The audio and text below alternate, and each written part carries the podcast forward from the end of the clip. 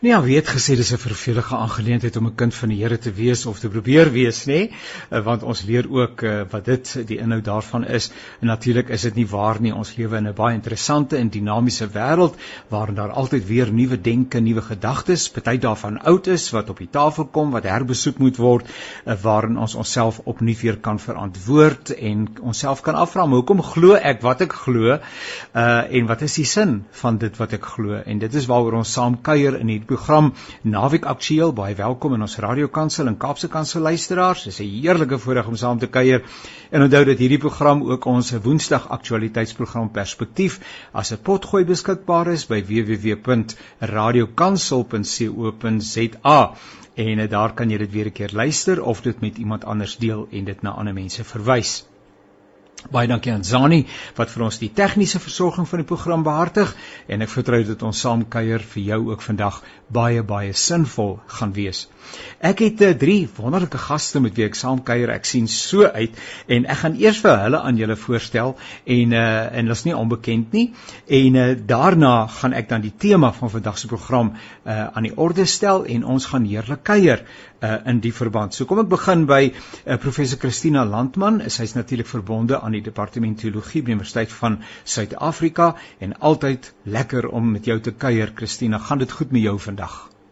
Dit gaan goed, dankie. Vertel vir ons wat gebeur in jou lewe? Waar is jy en wat is wat maak jou opgewonde oor die lewe en oor die wêreld? Asseblief tog. En ek gaan sommer vir julle op eerste naam sê asseblief. Uh so as dit reg is, dan se Tanya, Christina en Johan en ek is Jannie uh en is Zani aan die ander kant wat ons uh wat ons aan die dryf hou. Goed, Christina, wat maak jou opgewonde? Ehm um, man, ek is 'n uh, professor extraordinarius aan Unisa soos jy reeds gesê het en wat my opgewonde maak is uh, miskien die kerk.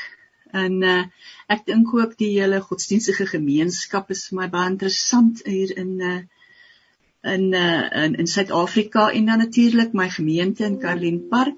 Uh, wat sal ons dit noem? 'n peri-urbaanse uh, gebied woongebied uh, van Rustenburg en uh, en ja wat wat ons skryf en dat godsdiens altyd deel is van die openbare gesprek dit maak my opgewonde ja. Inderdaad baie baie dankie. En dan uh, professor Tanya van Wyk uh, Tanya ook ewens verbonde Universiteit van Pretoria. Uh, vertel 'n bietjie vir ons van jouself asseblief Tanya. Dankie Janie vir die uh, goeie verwelkoming ook. En uh, is ook vir my lekker om saam met die twee gaste vanmiddag uh, selfs en ook saam met jou So ja, soos jy gesê het, ek is 'n mede-professor hier by uh, Tikkies uh, in die departement sistematiese en historiese teologie en my vakgebied spesifiek is sistematiese teologie en in die opsig um, is ek die ene wat redelik baie met die studente praat oor die moeilike beantwoorde vrae in die lewe. En in daai opsig kan ek maar by Christina aansluit. Dit maak my ook opgewonde om daaroor te praat en ek is eweneens bly dat hierdie tipe vrae deel is van 'n openbare gesprek um, en dat mense aanhou om hierdie sake in die publieke domein uh, aan te spreek en daaroor gesprek te voer. So ek is baie dankbaar daarvoor. Dankie Janie. Baie baie dankie eh, Tanya vir jou deelname en dan professor Johan van der Merwe. Eweneens uh, professor help my nuwe Ou Testamentikus en ietsie van die eie bestaanswêreld asseblief. Hallo Janie, nee, dis lekker om saam met julle te wees nie. Ek is ook by uh, sistematiese en historiese teologie en ek eh, spesialiseer spesifiek in die gebied van historiese teologie of wat ons voorheen eh, kerkgeskiedenis genoem het. Ehm um, wat wat 'n uh, eh, uitdagende uh, veld is waarna ons op die oomblik uh, werk. Ek dink die kerk beleef 'n uh, perfekte storm na COVID-19. As 'n mens al kan praat van na COVID-19 omdat daar geweldig baie uitdagings in die kerk gestel word en eise aan die kerk gestel word en ook op gemeentevlak. Ek is deeltyds gekoppel aan 'n gemeente waar ek uh, gekonfronteer word met die eise van van gewone gemeente domies gewone gewone kerkwees. En dan dan besef 'n mens dat uh, dat daar geweldig baie vrae is wat wat lidmate vra waarop hulle nie noodwendig uh, antwoorde het nie en en die voorreg wat 'n mens het om te help dink en uh, te help formuleer aan aan aan antwoorde is is is regtig 'n voorreg wat 'n mens wat 'n mens elke dag voor moet dankbaar wees. Ja, baie baie dankie ook vir jou deelname Johan. En ek het in 'n ander program 'n perspektief 'n uh, uh, bietjie gesels en ons het gepraat oor die politieke sfeer en dat dit so voorreg is dat hierdie goeters in die openbare domein is Tanya het ook daaroor gesels en dat ons oopkop oor goed kan gesels en dat ons mekaar ruimte kan gun uh, om uh, jou gedagtes te verwoord. Ehm um, en dat ons onsself dan ook daarteenoor kan gaan verwoord en gaan verantwoord. So dit is uh, baie baie lekker dat ons dit wel kan doen. Uh, en dit is ook 'n forum soos die van Radio Kansel en Kaapse Kansel het waarin ons dit kan doen. Nou, uh, hier is die tema dan nou vir ons luisteraars onthaalwe en uh, julle is reeds bewus daarvan. Die afgelope tyd het verskeie boeke verskyn wat die bestaan van God die persoon van Jesus en die gesag van die Bybel bevraagteken en selfs erg kritiseer en betwyfel. Nou uh, hou enige van die argumente wat daarin vervat word water uh en wat is die implikasie daarvan vir gelowiges en is God nog wie hy is sê hy is en uh wat hy en die manier waarop hy deur al die eeue in in en deur die kerk bely is. So die hele vraag rondom God en die Bybel en die gesag en in ons bestaan hier uh, en ons verhouding met hom of sy verhouding met ons uh ons wil 'n bietjie gedagtes in die verband uh, met mekaar um uh wissel. Nou uh, die boek van Johan Retief Uh hy's eertydse leraar van die van die Senningkerk, sogenaamde Senningkerk op daardie stadium. Dit pas verskyn. Uh, dit het nou maar pas uh, op die rakke gekom. Uh maar dit geniet reeds baie baie uh media dekking en aandag. En uh, soos ek reeds gesê, dis een van verskeie wat in die afgelope tyd verskyn het. Ek het in die onlangse verlede met Dr. Ben de Tooy gesels oor sy boek God is daar 'n ander antwoord. Uh ons het 'n lang program daaroor gedoen. Dit is ook as 'n potgooi beskikbaar as luisteraars daarna wil luister. En ehm um, ek wil dan nou eers begin deur net te verwys na Johan se boek die interessante tema, uh die slegte nuus uh, van die evangelie en hy sê dit is my reis na verlossing. Ek, ek lees net hier wat George Clason sê. Hy sê Johan Retief is bevry en sy boek weerspieël hoe asemrowend hierdie bevryding is. Hy ontrafel die illusies van onkunde en die behoefte vir illusie wat so diep gesetel is en wat so groot deel van die Afrikaanse siege uitmaak. Nou Johan uh, het ook 'n fokus op die Afrikaanse gemeenskap uh, met 'n klomp dinge wat daardeur ook ge, gesuggereer word. Ehm um, kan ek julle vra om ter inleiding, ek wil ook daarom terwyl van ons luisteraars sê, ek het met Johan geskakel, sou graag wou hê dat hy ook moet deelneem aan die program. Uh, hy het 'n mediese uh, situasie tans wat dit vir hom onmoontlik maak om verbaal 'n uh, deel te kan neem, maar hy het uh, kennis geneem van die program met groot belangstelling en groete aan almal. Uh so kan ons dalk net 'n bietjie gesels oor hierdie as een van 'n reeks van goed wat uh die lig sien uh en wat sê nee maar ons het nou ons is nou bevry. Uh, uh, uh ons ons het nou 'n nuwe ontdekking gemaak. Hierdie goeters is alles deel van 'n 'n groter narratief wat geen wat nie stand hou nie. Kom ek begin sommer dan miskien by jou asseblief Christina. Ehm um, ja nee, ek het ehm um, ek wou ek het nou self 'n artikel geskrywe in die beeld daaroor en daarna was ek bietjie uh, buite die beskawing sodat ek nie regtig uh, gelees het wat ander mense ook daaroor geskryf het nie. So ek kan dan maar ehm um, nadat ek nou die boek redelik goed gelees het, wil ek daar nou net sê miskien hoe ek die boek beleef het in vyf sinne, sal ek dit kan doen. Ehm um, die eerste ding wat ek van die boek gedink het is dis regtig vir my 'n bietjie vervelig as ek moet sê, veral omdat ek is maar soos Johan van der Merwe kerkhistorikus en as jy nou al die kerk se geskiedenis van van na Jesus af al baie gebestudeer het, dan is daar nie argumente in die boek wat nuut is nie. Ehm um, dit is goed wat die kerk al eeue en eeue met groot entoesiasme en met groot geleerdheid ehm um, uh aangepak het. Hulle antwoorde is nou anders as Johan se natuurlik. Maar dit het my uh ek het nie nuwe idees in die boek gevind nie. Daardie goed is al baie keer deur baie hoogstaande teoloë hanteer. Ehm um, die die tweede ding was dan ehm um, ek het ook dit 'n bietjie fundamentalisties, so ateïsties fundamentalisties gevind gewoon omdat ehm um, ek ben ons teoloë waarsku ons juis om nie elke woordjie ehm um, in die Bybel letterlik op te neem nie omdat dit nie vir ons in ons tyd moontlik is om dit letterlik op te neem nie. Ons moet in ag neem dat uh jy weet dat ehm um, die Bybel in 'n oraliteit in 'n omgewing van mondelingse oorlewering ontstaan het dat die ehm um, dat dat dit vir eeue mondelings die boodskap van die Bybel oorgedra het deur verskillende tradisies en dat wanneer jy van mondelings na skriftelik oorskakel daar ook sekere dinge gebeur. En as jy nou van soort van 'n fundamentalistiese uh, kant kyk, ateïstiese fundamentalisme en jy sê maar hierdie stukkie kom nie ooreen met daai stukkie nie, dan neem jy nie in ag hoe iets histories ontstaan nie en jy ehm um, jy on, en ons sê ons die Christene weet en die teologie weet ook van hoe ehm um, later veral na die 4de eeu wat ook 'n baie sterk tema in die boek is. Hoe na die 4de eeu die Christendom baie mitologies gelaai is en die oorspronklike of die eenvoudige boodskap van Jesus en hoe dit um, aangepas is ook maar by die politiek en by die tyd uh, van um, van van by die tye waarin dit ontwikkel het waarin dit 'n staatsgodsdienst geword het.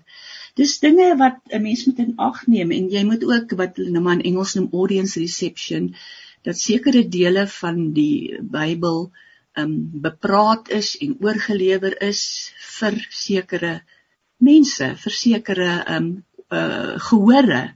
Byvoorbeeld die party van die evangelies uh, evangelies byvoorbeeld vir die vir mense wat Jode wat Christene geword het geskryf. Ander is weer uh, ander een is weer geskrywe vir die Engelse woord gentiles, jy weet. En so is dit dan dat elke een nou sy omgewing in ag neem en uh vir en en dan was daar ook nogal wat wat eintlik vir my nie 'n uh, uh, goeie argument kan wees as dit nou op karikature uh, gebaseer is nie en dat daar 'n baie karikatuur van 'n Christen in die boek voorkom. Jy weet 'n Christen is miskien baie puriteins, jy weet hy's hy's uh, oordrewe moreel maar eintlik skelm.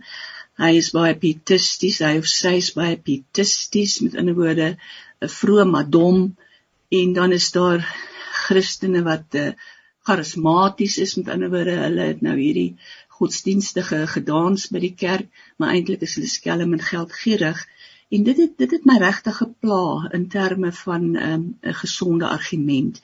En dan het daar se ook by my 'n vraag ontwikkel is hoekom die plaaslike ehm um, ateïste want dit word um, hulle noem hulle self so Ehm um, hoekom hulle altyd op Christene pik? Ek weet nie, hulle praat van geloof in die algemeen, maar jy sal nie kry dit in Afrikaans in elk geval. Hier plaaslik byvoorbeeld die Islam of die Hindoeïsme aangeval word nie. Hoekom is daar altyd 'n gepik op die Christene? Is dit omdat Christene nie daarteen opstaan nie, omdat ander godsdienste hulle self sal verdedig, baie sterk sal verdedig? Dis maar party van die vrae waaraan ek gedink het. Ehm um, ek sal net nou as jy wil, ander het ook 'n kansie gekry het, sou ek nou net 'n bietjie wil praat oor hoe ek die Bybel sien as 'n historiese dokument. Ek wil baie graag dat ons uh, nou da, nou nou daaroor gesels, uh, ook in die lig van dit wat jy gesê het, maar kom ons hoor wat sê Johan uh en ehm um, uh, weer 'n keer soos ek sê uh, ons ons ons gaan vir mense hulle standpunte, maar dit beteken nie dat uh, kinders van die Here wat dan nou uh, tuis voel met 'n Christelike belydenis dan nie ook kan sê maar hier is my standpunt nie. So uh ons gaan dit vir mekaar Johan, uh, jou gedagte rondom hierdie en soortgelyke boeke wat uh verskyn het uh, en wat dieselfde tema adem en eintlik tot 'n baie hoë mate dieselfde argumente voer. Dankie Janie. Ja, ek wil uh, vir Christina dankie sê vir wat sy geskryf het. Ek dink dit was in die beeld waar dit gepubliseer is. Dit het die hele dit het eintlik die hele die boek in 'n in 'n ander perspektief geplaas en ek dink vir gewone gewone lidmate dit baie mooi uh, verstaanbaar gemaak oor waaroor dit nou eintlik gaan. Ek dink dit is 'n uitstekende stuk daai se Christina. Ek het jou probeer in die hande kry, maar nou verstaan ek hoekom ek dit nie reg gekry het nie. Uh, wat wat ek wil wat ek wil sê Janie is dis niks niets nie. Christina het dit ook gesê en ek dink um, my my vraag die, die hele tyd is hoekom soortgelyk aan wat sy sê, hoekom die hele tyd die Christen op die Christendom hamer. Ek het nou sommer vanoggend vinnig bietjie gaan kyk en dit is, is interessant dat um, op 30 September 2007 het daar 'n 'n vergadering plaasgevind in Washington van die vier mees prominente ateïste van ons tyd. Uh, Sam Harris, Richard Dawkins, Christopher Hitchens en Daniel Dennett. En hulle het die bynaam gekry van die Four Horsemen. verwysend na die vier ruiters van van Openbaring 19. En dis mense wat wat wat bekende boeke en bekende na, goed geskryf het. Harris het byvoorbeeld geskryf The End of Faith, a letter to a Christian nation. Dawkins The God Illusion wat ons wat ons almal baie goed van weet. Christopher Hitchens God is not great. Um Daniel Dennett uh uh Darwin's dangerous idea breaking the spell. Um en dis dis goed wat in 2007 verskyn het. Nou dis al 'n klompie jare terug, maar dit dit wys net mense daar's voortdurend in die wêreld en dan kan hy nou natuurlik teruggaan. Christina het in haar artikel in die beeld dink ek daarna verwys na Nietzsche wat in 1844 tot 1900 geleef het wat wat gesê het uh, in die in die boek geskryf het God is dood. Ehm um, wat vir mense wys hierdie debat is voortdurend maar aan die gebeur uh, waar mense probeer om om om uh, ek wil amper sê die Christen om aan te val, uh, die Christelike geloof aan te val, mense uh, te karikatiseer um, terwyl terwyl ek ja, ek verstaan nie eintlik hoekom dit gebeur nie. Dis dis so dit is niks niets nie. En ek daarom ontstel hierdie goed my nie meer nie. Ek moet jou dood eerlik sê, ek ek sien die boeke wat verskyn en dit dit gaan eintlik maar by my verby. Ek uh, steur my nie vreeslik baie daaraan nie. Ek sal net 'n bietjie meer daaroor sê. Baie dankie Johan en Tanya, kom ons hoor jou inleidende opmerking. Ehm um, ja, ek wil by die laaste opmerking wat Johan gemaak het aansluit en uiteraard sê dat ek ook uh, met Christina se uh, opsommendheid eensetting saamstem ek word ook nie meer ontstel deur hierdie uh bydraes wat mense maak nie. Maar ek moet tog sê dat die woord leuen in die titel sterk taal is en daar is 'n rede waarvoor iemand kies om in sulke sterk taal iets so iets te doen.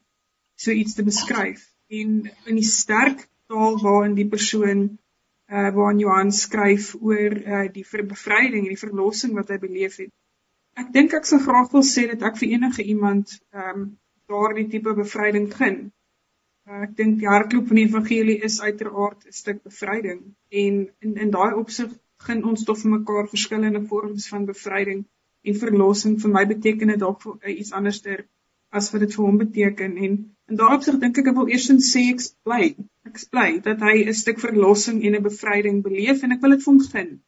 Ek wil dit regtig vir enigiemand anders gun terwyl alles wat Johan en Christina sê inderdaad die debatte oor en oor hulle sal herhaal. Ek dink die ander opmerking wat ek wil nie herhaal wat my kollegas gesê het nie. Ek dink die ander opmerking wat ek wel sou wil maak is is is oor die fenomeen dat die Christelike religie konstant uh, in die in die loop is of in die spervuur is eintlik.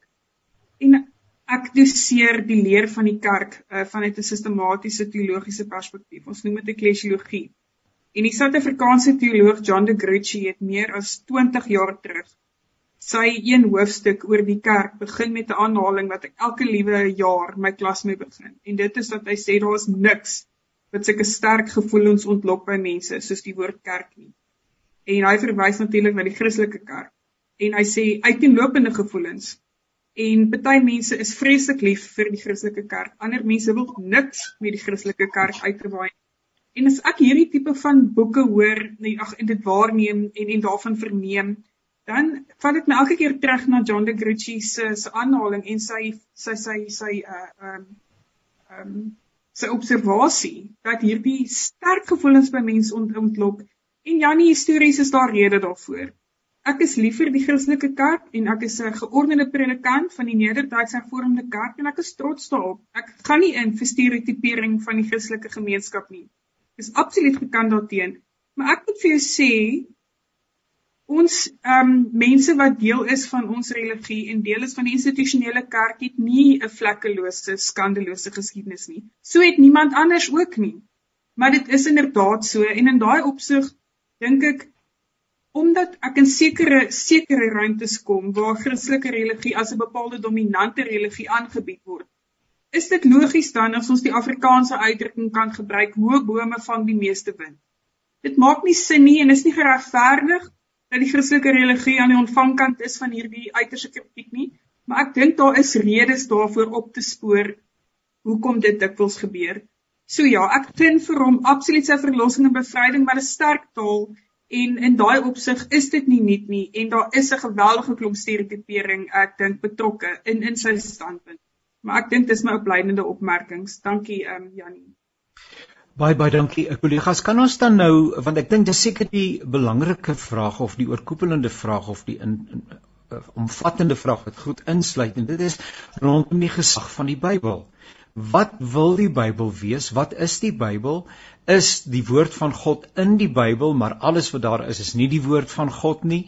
Uh in die lig van dit wat Christine ook genoem het, uh naamlik van verskillende gehore, jy praat van die proses wat na die 4de eeu na Christus plaasgevind het. Help vir ons om ietsie daarvan te verstaan asseblief. So wat het ek wanneer ek die Bybel oopmaak? Waarmee het ek te doen? En wat moet ek daar gaan soek? Wat kan ek hoop om daar te vind? Uh, as ek net kan sê sommer ter inleiding is dat um, vir my is die Bybel 'n boek van wysheid. Ehm um, se enige verhaal in die Bybel of dit nou Josef se verhaal is of Abraham se verhaal of Jesus se verhaal, elke liewe verhaal Noag, elke verhaal se doel is om sekere wysheid oor te dra en ons glo, ons glo, ons kan dit nie bewys nie, maar ons glo dat God dat dit deur God se gees geïnspireer is, né? Nee, dit is hoe ek die Bybel sien. So wanneer ek Sondag preek, dan preek ek uit die Bybel uit asof dit 'n gesaghebende as 'n gesaghebende boek en dat die wysheid daarin gesaghebend is. Ons omstandighede het verander. Ons ehm um, uh, siening van die wetenskappe verander. Daar's groot dele tye van wanneer die geskrifte wat nou deel is van die Bybel, dat daai geskrifte die enigste uh, bron van wysheid en van genesing was en dat jy vir jou um vir jou wysheid soos Hooglied wat vir jong manne die kuns van die liefde geleer het, dis deur die priester um aan hulle geleer. En dit is uit bronne uh, wat saamgestel is uit Mesopotamië en Egipte en so aan. Maar dis 'n gesaghebend. In die sin dat sien maar so ek sou nou iemand trou, dan preek ek uit Hooglied en uit die wysheid daarvan van ehm um, jy weet wat gesien is in daardie tyd as 'n uh, goeie uh, fondamente van 'n goeie huwelik van 'n sustainable relationship, né? 'n sustainable intimate relationship van dit is dis 'n wysheid wat daar wel daar voorkom. En dat mense dit as baie nuttig vind. Al is dit 3000 jaar gelede, meer as 3000 jaar gelede. Ehm um, uh, uh, saamgestel. So dis hoe ek dit vind. Die, die Bybel is 'n boek van wysheid en ek preek dit ook so en dan glo ons ons nie kan bewys nie dat dit deur God se gees geïnspireer is. Maar as jy nou moet gaan sit en vir die mense sê kyk Matteus sê dit en dan o daar in Lukas staan 'n ander woordjie in daai een se plek so. Nou is dit nie meer gesaghebend nie. Dan regtig dan mis jy die wysheid daar agter want die daardie uh, evangelies is vir verskillende gehore geskryf. Hulle het eh, 'n uh, gemeenskaplike bron gehad, maar verskillende interpretasies daarvan. Ehm um, jy weet dit is vir my 'n uh, uh, nee, net klaar maak en sê dis 'n dis 'n boek van wysheid en die gemeente vind geweldige uh uh vind geweldige vrede daarin. Byvoorbeeld as jy van die psalms gebruik, ek het daaroor al goed daaroor geskrywe hoe daar 'n sekere psalms, baie van die psalms gebruik is deur die priester om mense wat aan depressie ly, gelei het en wat 'n uh, eh, sekere 'n um, ehm, swaar 'n swaar verhouding met God op 'n stadium bereik het, hoe die priesters dit gebruik het om vir mense wysheid te leer en dat uh, ons um, ons idee van wat maak 'n mens gesond verskil nou, maar die godsdienstige kant daarvan die staan in die Bybel opgeteken en vir ons kan ons dit as ons dit kontekstualiseer kan ons dit regtig gesaghebend gebruik. Met groot deel word dis hoe ek glo. Nou ja ek kan sien dat ons nie verskriklik ver gaan kom in ons program en ons gaan weer moet gesels omdat ek so baie baie gedagtes het wat ek graag met u wil deel. Maar uh, voordat ek vir Tanya geleentheid gee uh, en ook vir Johan om ook daar ver op aan te vul en en uh, hulle perspektief te stel, ek ek wil sommer net vra ek hoor by Christina uh, dat die woord is wysheidsliteratuur, dit is wysheid. Uh, dit is geïnspireer.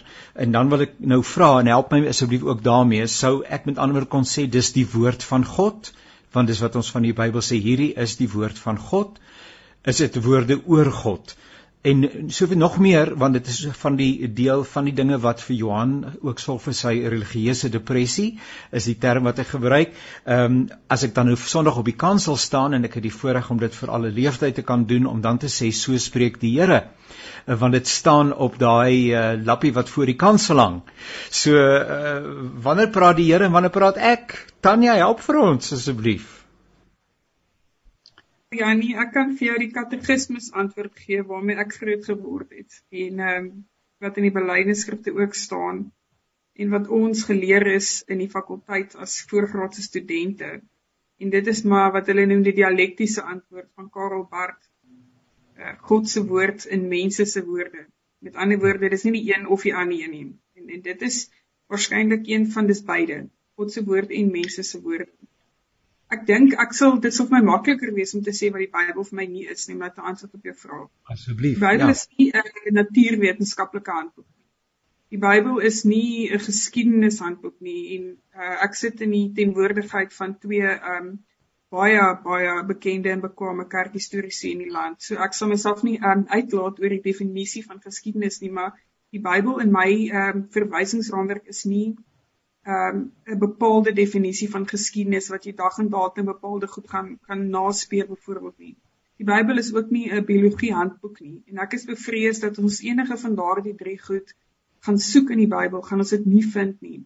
En ek dink dis dikwels waar uh, daar by mense 'n kortsluiting is want hulle het bepaalde verwagtinge um oor wat in die Bybel staan en dit is herhalende patroon deur die eeue. Uh, en dit gaan my uiteindelik debatte in ons verskillende denominasies is volop oor skrif verstaan.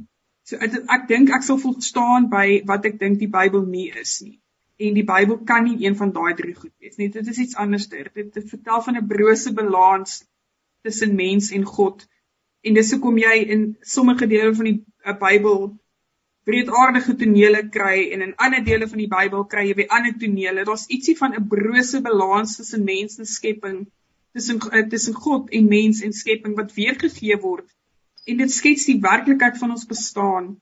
Maar die Bybel is nie 'n wetenskaphandboek of 'n biologiehandboek of 'n geskiedenishandboek nie. Ehm uh, dit is dit beslis nie. Ek ek luister graag na my ander kollegas ook. Johan, baie dankie Tanya. Ja nee ja, dankie. Ek ek dink my ander twee kollegas is 100% reg. Ek stem met hulle saam. Jy sal onthou ons het in Prof Heinse klas gesit en hy het die boek geskryf oor die Bybel as brug tussen God en mens. Ja. En en en dit is maar die die die die beeld en die term wat ek wat ek maar nog altyd gebruik is om te sê die Bybel is 'n brug tussen God en mens. Dis die die wyse waarop God onder leiding van sy gees met mense kommunikeer.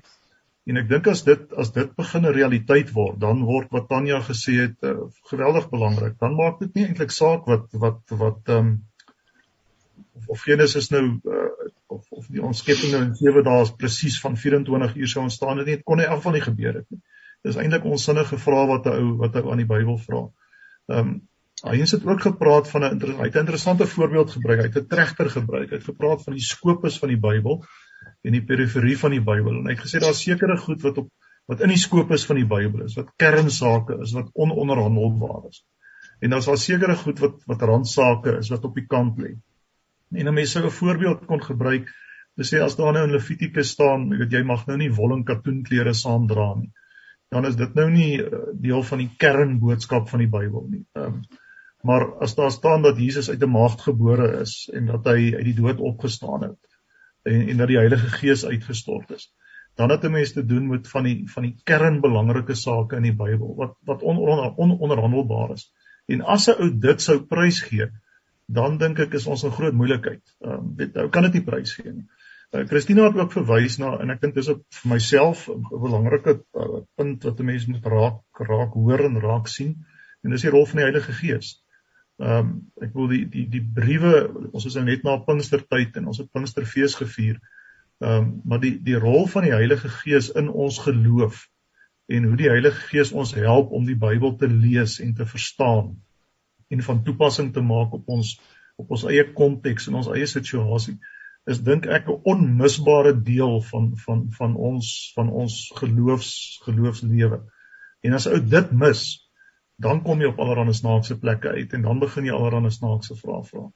Ehm uh, ek wil Jesus was uit was was duidelik daaroor uh, toe hy vir sy disippels gesê het, ou lees dit 'n paar keer in Johannes. Ehm um, ek gaan weg, maar ek gee vir julle iemand anders in my plek. Die trooster, die parakleet, die een wat julle gaan lei. En as Paulus in Romeine skryf, dan skryf hy oor die werk van die Gees en hoe die Heilige Gees ons ons help om te glo en selfs vir ons bid. Ehm um, en en en dis vir my die die die die wonder van van van Christen wees is om te sê maar dit gaan nie oor my intellek of oor hoe ek goed hier van die Heer nie. Daar's 'n groot stuk misterie. Nou weet ek dit pas nie in ons wêreld nie, nê. Nee. Mense wil weet en ken en verstaan en bewys en as hulle dit nie kan doen nie dan dan vee hulle goed van die tafel af. Maar dis juis vir my waaroor geloof gaan. Is is is die brug wat daar ook is dat wanneer ek nie meer verstaan nie en nie meer ken nie en nie meer weet nie, dat ek dood eenvoudig in geloof die tree verder kan gee. En en dis waarmee die brug wat die Bybel is en die werking van die Heilige Gees wat ons help om dit te verstaan. Ons help om daai tree te kan gee in geloof. As ek mag Jannie, weet jy kan ek net daai argument verder voer wat wat Johan nou gesê het. Jy weet die ehm um, uh die Bybel is ook 'n belangrike interteks tussen mense wat op geen ander manier eintlik met mekaar sou kon kommunikeer nie. Uh Ehm um, as sien maar ons is 'n groep vroue bymekaar en, en een kom uit Wes-Afrika en 'n ander een kom uit Noord-Afrika en 'n ander een van Mauritius en jy weet en dan lees ons nou iets sê maar die ehm um, ons kan glad nie eens mekaar se tale praat nie. Ons moet deur 'n interpreteerder praat of die van ons wat Engels ken praat maar Engels. Ons ken glad nie mekaar se kulture nie. Nou sit ons bymekaar en ons lees die Bybel. Ons ken almal die Bybel al ken ons niks anders van mekaar nie. Dan sal die een sê, kom ons lees nou daar waar Jesus by die put gekom het en met die Samaritaanse vrou gepraat het. Die een vrou sal sê, weet jy wat, dis nou snaaks dit sy nou 12 uur in die middag by die put is want in hulle kultuur mag jy glad nie 12 uur in die middag naby 'n put wees nie. Jy moet in die oggend vroeg as jy 'n hardwerkende vrou is, dan gaan jy in die oggend vroeg om water te gaan haal by die put. 'n Vrou wat 12 uur in die middag gaan water haal, sy is 'n lyfvrou en 'n ander die uh, die stedelike vrouens sal sê nee maar ons ons gaan natuurlik nooit nou meer water haal nie. Ehm um, en en so, maar dan weet ons daai is kulturele goeters. Die werklike verhaal wat daar agter lê en die wysheid wat daar agter lê, is dat almal is welkom in die koninkryk van God. Jy weet of jy 'n vrou is en of jy uh, is uh, van 'n ander stad af kom, 'n kompeterende omgewing kom of wat ook al, ons is almal deur um, deur God se gees saamgebind. Dit is nou maar net 'n voorbeeld byvoorbeeld hoe die uh die kerk, ag die Bybel 'n brug is tussen mense en uh, met God en met mekaar. Kan ek nou vir julle vra, ehm um, in die lig van dit wat ons nou vir mekaar gesê het, ehm um, Johan uh, onder andere sê uh, God het ons nie geskep nie, ons het God geskep. Ehm um, nou, hoe weet ek dat ek met die God van die Bybel En is die God van die Bybel die God van die heelal? Ek weet dis nou moeilike vrae en ek ben stapel nou die een op die ander en so aan. Maar nou lees ek die Bybel in die lig van dit wat julle ook die leiding wat julle gegee het en die riglyne en dies meer. Maar nou sit ek nog met my eie subjektiewe verstaan van van God, want ek kom ook met 'n bepaalde konteks en vertrekpunte my eie menswees ensovoorts. So hoe naby of hoe ver is ek aan wie God inderdaad is? Of wil staan ek maar met my verstaan van God en maak daarmee vrede? Uh Tanya, hoe weet ek ek het met God te doen? Kom ons kom ons los die Bybel vir 'n enkel oomblik net een kant.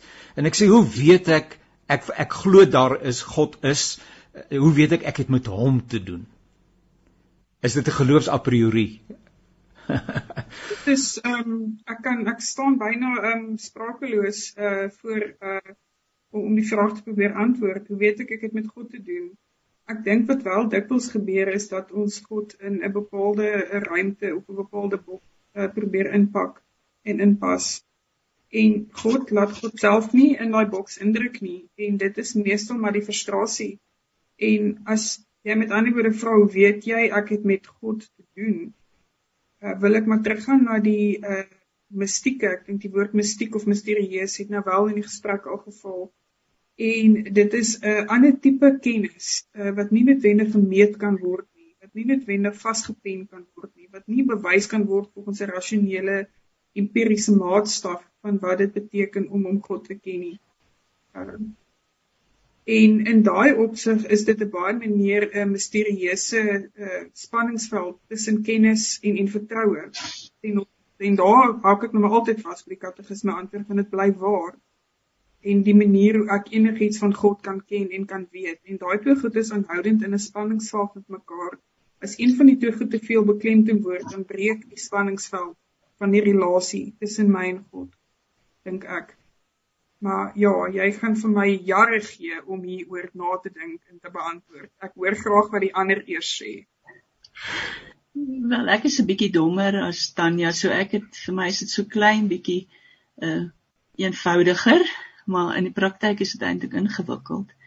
Ek sal sê sien maar 'n mens preek en jy preek met mense wat jare lank geboelie is deur 'n beeld van God wat dat God sê maar mans bo vroue of wit mense bo swart mense of wat ook al dat mense daardeur geboelie is. Ehm um, en dan is dink ek is dit die die prediker se se werk om mense te help om met nuwe woorde oor God te praat, 'n woorde wat heel maak. En ek dink dan het mens uit die Bybel 'n legio van voorbeelde waar uh, waar van beelde van God wat mense heel maak. En dan in in totaal die Bybel as 'n wysheidsboek wat mense lewensvaardighede leer um, te sien. So so dit is maar uh, hoe ek dit hanteer, maar om met daai jy moet jou eintlik jou gehoor baie goed ken dan ook. Dis jy wil sê maar ons kom ons praat van kom ons uh, kyk bietjie hoe word God hier voorgestel en hoe maak dit ons gesond? En wat vir party mense gesond maak, maak ander nou weer siek, jy weet. En dat ons sal kan kyk uh, per gehoor Um, en dis nie 'n leuen of 'n weerspreking of so nie, maar om mense te leer om hoopvol um oor God te praat en dit is uh maar my antwoord oor ek ek praat 'n bietjie prakties ek meen ek sal nou um seker in, in hoe uh, latynse woorde moeilik vind om dit te vertel maar ek dink vir my is die doel om om mense nuwe woorde te gee mense wat wat seer gekry het met sekere godsbeelde om hulle nuwe woorde te gee om hoopvol en veilig en ingesluit te uh, te voel um, wanneer hulle oor God praat of nadink. Johannes daar ruimte dat 'n mens die evangelie of dan nou die Bybel, ek noem dit nou in dieselfde asem die die parallel, ons beleef tog die Bybel as God se se goeie woord aan ons. Ehm um, dat 'n mens dit kontekstueel nie kan verpak. Ek dink byvoorbeeld in die tyd waarin ons lewe en dit is deel van Johan uh, onder andere wat bydra tot sy religieuse depressie. Uh uh ehm um, die eerste ding wat ek hoor wanneer ek tot my verstand kom as mens is so het die Bybel, so is dit aan my verkondig van kleintyd af en so het ek dit ook deur die 35 jaar wat ek in die bediening op die kansel gestaan het ook aan mense verkondig. Maar die eerste ding wat mense hoor is ehm um, jy's in sonde ontvang en gebore. Jy's 'n sondaar. Uh katekismes hoe uh, jy hoe jy van jou sonde verlos kan word. Ek is dis dis so die eerste ding, ek is al klaar gekneus. Ek is klaar ge mag ek Christina se se woord gebruik geboelie. Het die kerk mense nie geboelie? Uh, is daar nie 'n ander plek waar ons moet begin maar God het jou oneindig lief en hy het 'n merkwaardige plan vir jou lewe nie. Kan ons mense kwaadlik neem dat hulle dalk soms geboelie voel. Help my asseblief Johan, ek uh... Ja, ek dink jy is jy's 100% reg. Dis interessant in die gereformeerde uh liturgie, uh spesiaal in die NG Kerk waarvan ek deel is, is dit is as mens gaan kyk hoe dit vroeër jare gebeur het, nê, nee, dan dan dan jy begin met 'n wotum en 'n seëngroet en dan jy een van 'n geloflied gesing en dan jy na die 10 gebooie geluister waarin jy moes hoor hoe sondig jy is en dan moes jy jou sonde bely so die die 'n groot deel van die liturgie in 'n erediens was gerig op daai ding van jy's hierdie sondaar jy's hierdie wurm in die stof wat wat uh, wat wat die hele tyd moet rondkruip voor God en ek dink dis 'n bietjie 'n verdraaiing van van van wat die Here eintlik uh, vir ons in sy woord sê. Ehm um, baie ons het dit oor die boek van die van die reformatore gegooi maar ek dink dis ook 'n verdraaiing van wat hulle gesê het. Ek, ek dink Luther het ons geleer dat ons vrygemaak is. En ek gebruik baie keer die beeld om te sê dis soos soos 'n wurm wat in wat homself in 'n kokon toespin en 'n vlinder word. Om te sê maar ons is vlinders, ons is vrygemaak. Ons is verloste mense wat ons vlerke moet sprei en moet vlieg. Ehm um, is interessant net om om jou om jou voorbeeld te staaf. Ek het 'n bietjie gaan kyk na na wat dominees gepreek het na die 1918 griepepidemie en tydens die 18 griepepidemie in vergelyking met wat baie dominees nou gepreek het tydens die COVID-19 pandemie. En dit verskil radikaal van mekaar. Ek wil die die die strekking van die preke in 1918 was dis God se straf op die mensdom en mense moet hulle bekeer en dan sal God sy straf herroep en dan sal hy hulle weer seën en dan sal dit goed gaan met die land en en en alles wat daarmee saamgaan. Terwyl die hele strekking van preke en temas van prediking nou in die in die COVID-19 pandemie hmm. heeltemal anders was. Dit was ja. troos, dit was God wat omgee, dit was God wat sag is met ons. Dit wat dit het gegaan oor God se sagte hart en sy hande en sy voete. En ek dink dis die dis die verskil wat daar gekom het. En ek dink baie mense wat wat uh, en daar's Christina ongelooflik sê sy ongelooflike belangrike ding gesê wat wat amper hierdie fete met die Christendom het, het het nog nie ontdek dat die Christendom nie gaan oor 'n God wat jou boelie nie. Uh en dat ons dat ons vrygemaak is en dat ons dat ons geroep is om 'n om 'n nuwe lewe te leef nie. Um en en ek dink dit is dalk die boodskap wat ons in die konteks waarin ons nou leef uh, baie sterker moet verkondig. Nie net dominees nie, maar ook lidmate is om te sê maar weet jy wat die Christendom gaan nie oor 'n klomp reëls en regulaas ekskuus oor 'n klomp reëls en regulasies en moets en moenies en goed nie. Die Christendom gaan in die eerste plek oor verhoudings. En daai verhoudings is gebou op liefde.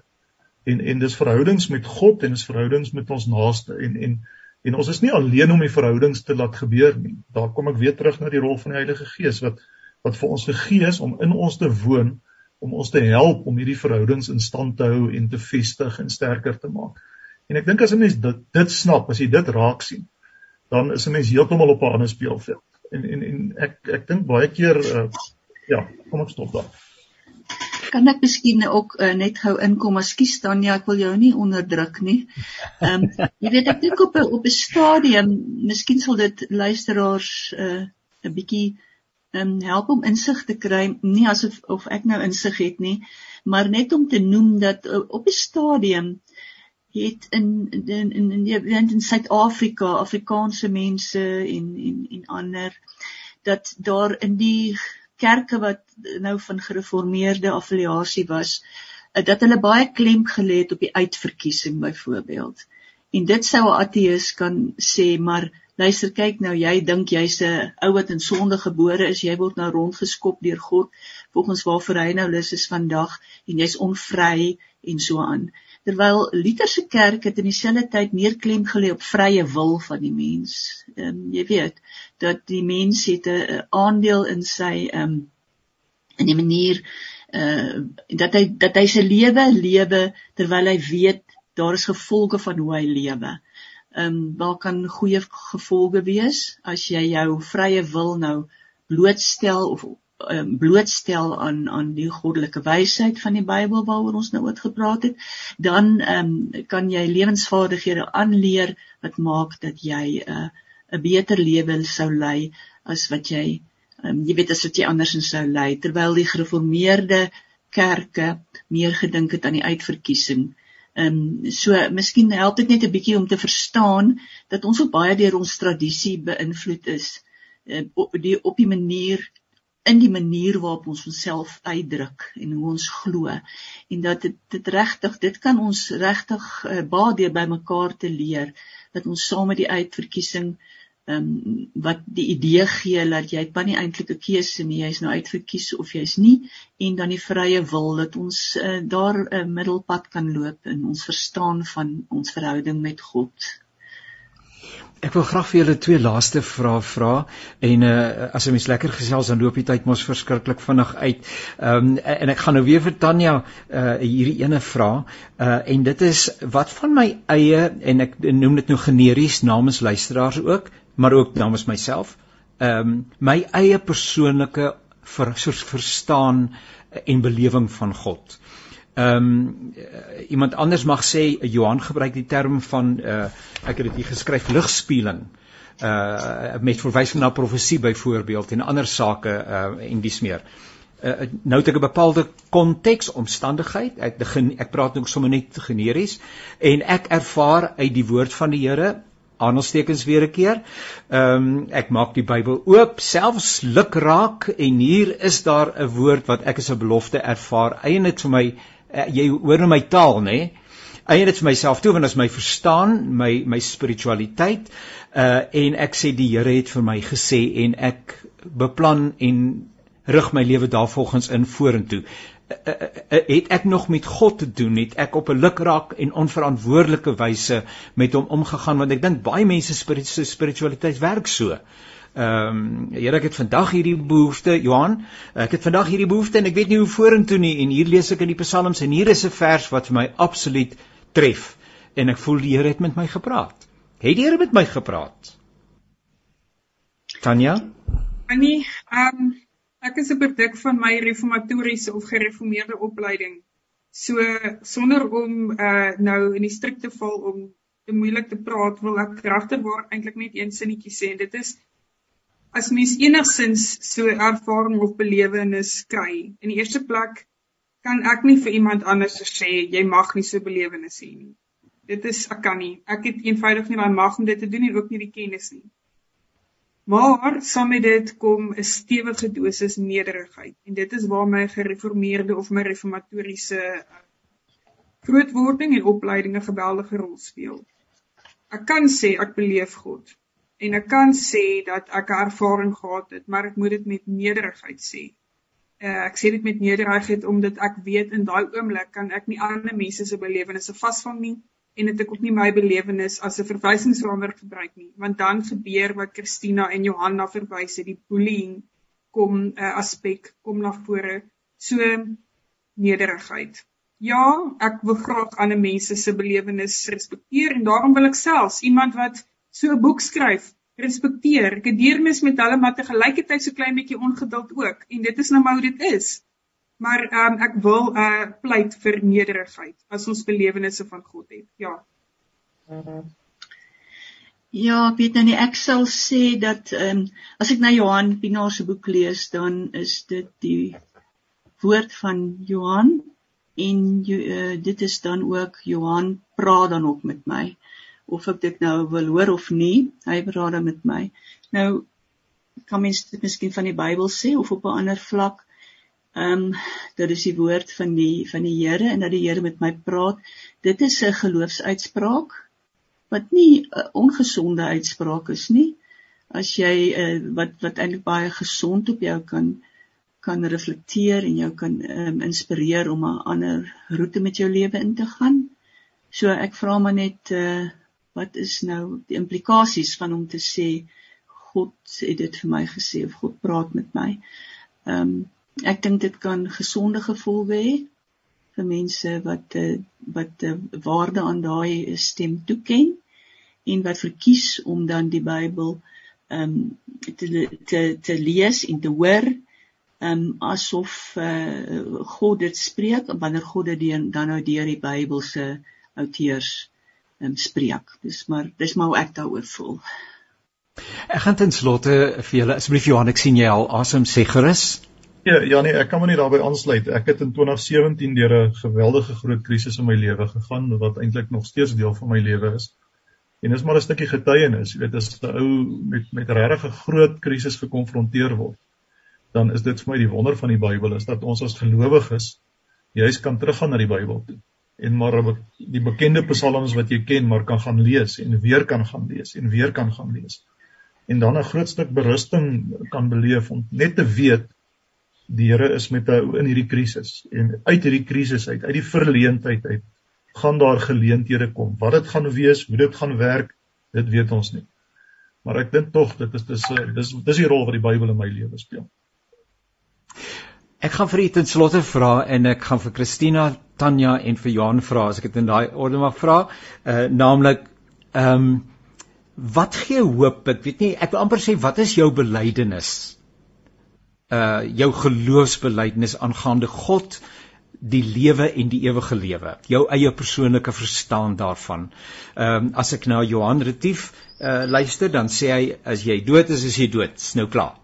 Uh en wat klaar is is klaar en as jy goed genoeg hier gelewe het dan behoort jy daarmee ook heeltemal tevrede te wees. Ehm um, as jy vrymoedigheid het of uh, uh, met ander woorde waaroor gaan dit aan die einde van die dag? Uh, wat gee sin aan ons hier wees uh en en en en in ons verwagting uh van die lewe. Christina, kom ek begin by jou asseblief. Hoekom staan jy op in die oggend? nee, laat ek liewer sê hoe snaak hoe reageer mense gee. As sê net maar um, ek sou 'n begrafnis doen, dan is dit ongelooflik bevrydend en vertroostend vir mense as jy vir hulle kan sê kyk God laat ons nooit alleen nie. Hy het ons hy laat ons nie alleen hier in lewe nie. Hy laat ons nie in alleen in die graf nie. Uh, hy laat ons opstaan en as gevolg van ehm um, die feit dat ons ons die ons doel bereik het in die lewe in terme van wat ons glo reg is. Uh, met die Bybel as 'n filter.